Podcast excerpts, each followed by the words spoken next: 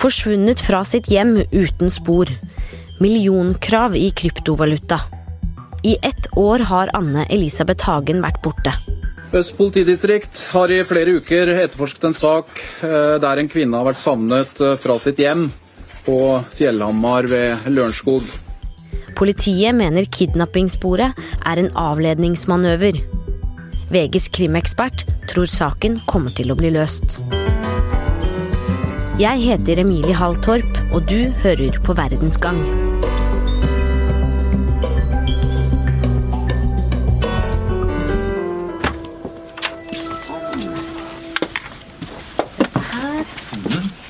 Øystein Millie, vi har sett deg på TV i serien om Orderud-drapene, og du har jobbet med alle de store krimsakene her i VG. Du har kalt denne forsvinningssaken nær den perfekte forbrytelsen. Hvorfor det? Det er først og fremst fordi ingen er tatt eh, i dag, ett år etter at uh, dette skjedde. Um, så husker vi jo at uh, politiet lenge trodde det var en kidnapping, sånn som den eller de som står bak ville. Politiet er en annen oppfatning nå, mener at det er et mulig overlagt drap man står overfor. Eh, men så har man jo hele planleggingsrigget. Dette med eh, kryptovaluta, trusselbrevet. Man har et eh, fravær av enkeltstående fellende bevis, i hvert fall så langt. Og det er hele det oppsettet vi ser rundt denne saken, sier meg at her er det noen som har vært ute etter å gjøre en forbrytelse, en grusom forbrytelse, men som gjør alt som står i den eller deres makt for ikke å bli avslørt.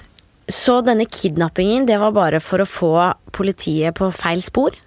Ja, det ser sånn ut. Det var nok en strategi for eh, å forsøke eh, å få eh, politiet på helt andre tanker, i helt andre baner. Men etter hvert som etterforskningen skred fram, så ble jo politiet veldig i stuss over denne såkalte kidnappingen. For det var veldig lite kontakt.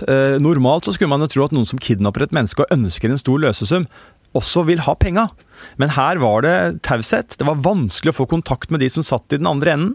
Ehm, og jo mer tid som gikk, jo mindre trodde politiet at dette kunne være reelt. Og da eh, fikk man jo tanker om at ok, kanskje det er noen som forsøker å dekke et drap eh, ved å rigge et kidnappingsscenario. Og, eh, og så ble jo da denne hypotesen endra nå før sommerferien. Hovedhypotesen er derfor endret til at Anne-Elisabeth Hagen er drept. Dette innebærer videre en hypotese om at drapet kan være forsøkt skjult gjennom en fingert bortføring. Etter det så har politiet jobba målretta mot at eh, noen har vært ute etter å drepe Anne-Elisabeth Hagen. Men var det bare det med mangel på kontakt som gjorde at de begynte å se bort fra en kidnappingssak? Nei, det var ting ved åstedet, og er ting ved åstedet som politiet eh, mistenker kan være rigget og iscenesatt. Eh, og det er jo en del av dette bildet. Hva da?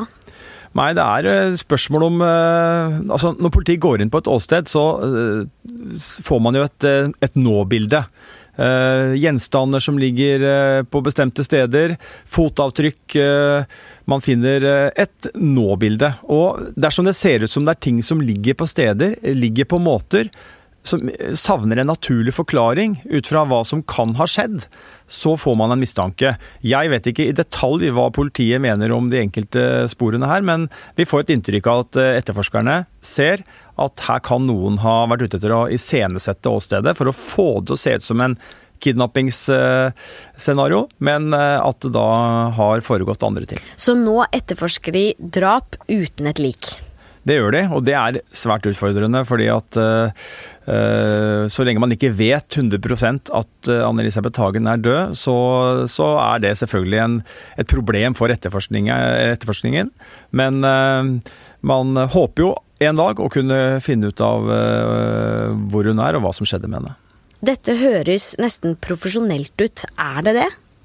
Ja, det er inntrykk at det er svært profesjonelt utført. Det er nøye planlagt. Politiet har jo bekrefta at de har funnet planleggingsskritt et halvt år uh, i forveien. Uh, og det er uh, ingen tvil om at den eller de som står bak, har lagt mye tankekraft i å forsøke å komme unna en straff i denne saken. Men det at det er profesjonelt utført, behøver ikke bety at den eller de som står bak, har gjort noe lignende før. Man kan bare ha brukt ekstremt mye tid på å gjennomføre en detaljert planlegging, og så klare å gjennomføre det sånn som man har tenkt. Vi tar et raskt tilbakeblikk på saken. Mannen hennes er milliardær Tom Hagen. Han møter opp på jobb omtrent klokka ni om morgenen den 31. oktober. Klokka 09.14 så snakker Anne-Elisabeth Hagen i telefon med et ikke navngitt familiemedlem. Klokka 09.48 så ringer elektriker Tommy Skansen til Anne-Elisabeth for å følge opp en avtale de har. Hun tar ikke telefonen. Mellom disse klokkeslettene så tror politiet at det kan ha skjedd noe med henne. Tom Hagen har prøvd å kontakte kona flere ganger denne dagen, men får ikke svar.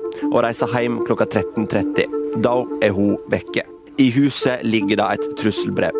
Dersom han ikke betaler 9 millioner euro i kryptovalutaen Monero, vil det bli lastet opp en drapsvideo på internett. Kort tid etterpå så møter han politiet i skjul på en bensinstasjon like ved. De sporene som er funnet rundt i heimen og som vi har fått vite om, er skoavtrykk fra et skopar kjøpt på Sparkjøp, strips kjøpt på Biltema, og en konvolutt og et trusselbrev som er kjøpt på Claes Olsson. Vi vet òg at politiet har sikra DNA fra åstedet, og at de har funnet blodspor fra Anne-Elisabeth Hagen inne i huset. Det har vært noe kommunikasjon att og fram med antatte gjerningsmenn. De har sagt at hun er i live, men da har de aldri sendt bevis på henne.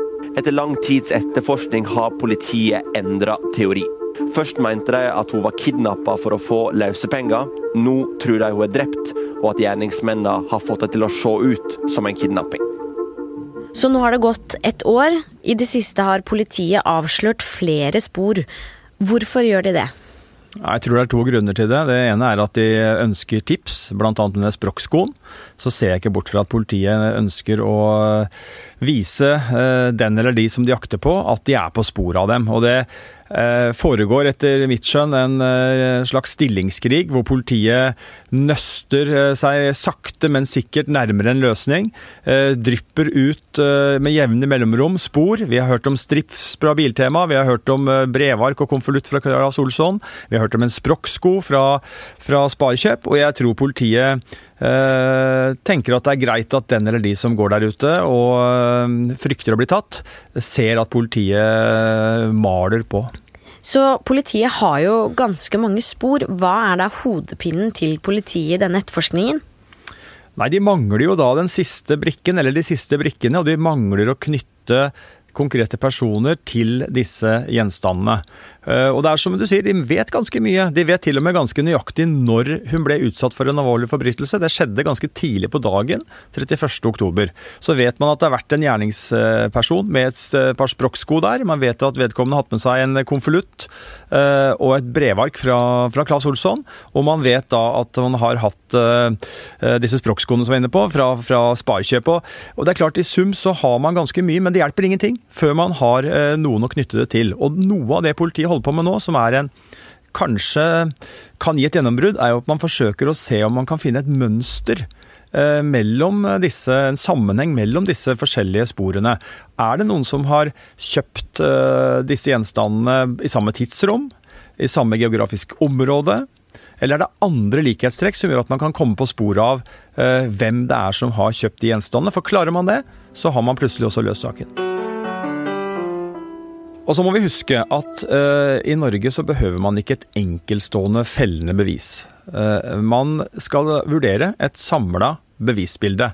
Og Det vil bety at man kan ha fem, seks, sju bevis som peker i en retning, hvor du ikke kan 100% utelukke at det kan være en annen forklaring.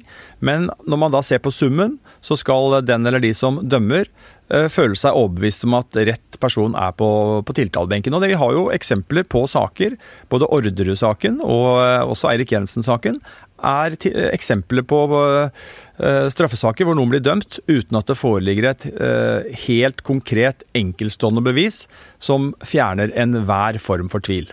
Kan man da bli dømt uten at de finner liket? Det kan man. Det fins eh, saker hvor det har skjedd, at eh, noen har blitt dømt for drap eh, uten lik. Men det er klart det gjør det mer utfordrende for politiet. Og det er selvfølgelig sånn at generelt sett er det mat for en forsvarsadvokat. For det vil jo kunne være et argument for å trekke i tvil om politiets konklusjon om at det er et drap, og at det er da en drapstiltalt som sitter der, er riktig, så lenge man da ikke vet engang om den som er offer i en sak, faktisk er død, eller enda verre drept. Men hvorfor akkurat Anne Elisabeth Hagen? Hvorfor er det hun som er borte, og kanskje drept? Det er jo eh, et av hovedspørsmålene politiet jobber med. Eh, og da denne saken så ut som en eh, kidnappingssak, så var situasjonen en annen. Da kunne man betrakte Anne Elisabeth Hagen som et indirekte mål. Hun var et middel noen brukte for å komme inn i Tom Hagens formue, hente ut penger derfra. Og Da jobber man etter det sporet. Men så snur jo saken. Politiet mener, ut fra et samla vurdering, at dette er et drap. Og da snur en del ting seg rundt motiv, for da er det ikke lenger Anne-Elisabeth Hagen som er et indirekte mål. Da er hun selve målet. Og da reiser jo spørsmålet seg. Hvem har motiv? Hvem har ønsket at hun skal bli utsatt for en alvorlig kriminell handling, kanskje et drap? Og der jobber politiet på spreng nå. Øystein, hva tror du skjer fremover nå? Jeg tror jo eh, denne saken kan eh, komme til å bli løst. Jeg tror når eh, politiet sier at de har det som mål og mener det er realistisk, så tror jeg man kommer dit en dag. Om det skjer om fire uker eller om fire måneder, det vet jeg ikke. Men jeg oppfatter at politiet har mange spor som vi vet om. Og så vet jeg at politiet alltid sitter med en del spor som vi ikke kjenner til. Øystein, av alle saker du har jobbet med, hvor spesiell er denne saken? Det er en av de aller, aller mest spesielle sakene jeg har vært borti. Og det skyldes jo uh, det vanvittige i at en uh, eldre dame kan være hjemme, stille og rolig i boligfelt på Lørenskog, og forsvinne Eh, tilsynelatende sporløst, i den forstand at man ikke vet per i dag hvem som har gjort det. Eh, og at man har en eh, med å gjøre med noen gjerningspersoner eller gjerningsperson som iscenesetter et rigg, et avled, en avledningsmanøver, som i hvert fall ikke Norge har sett maken til, og kanskje ikke verden. Det er helt unikt. Takk, Øystein Millie. Verdens Gang er laget av Kristine Hellesland, Tor Erling Tømt Ruud og meg, Emilie Halltorp. Teknisk produsent er Magne Antonsen.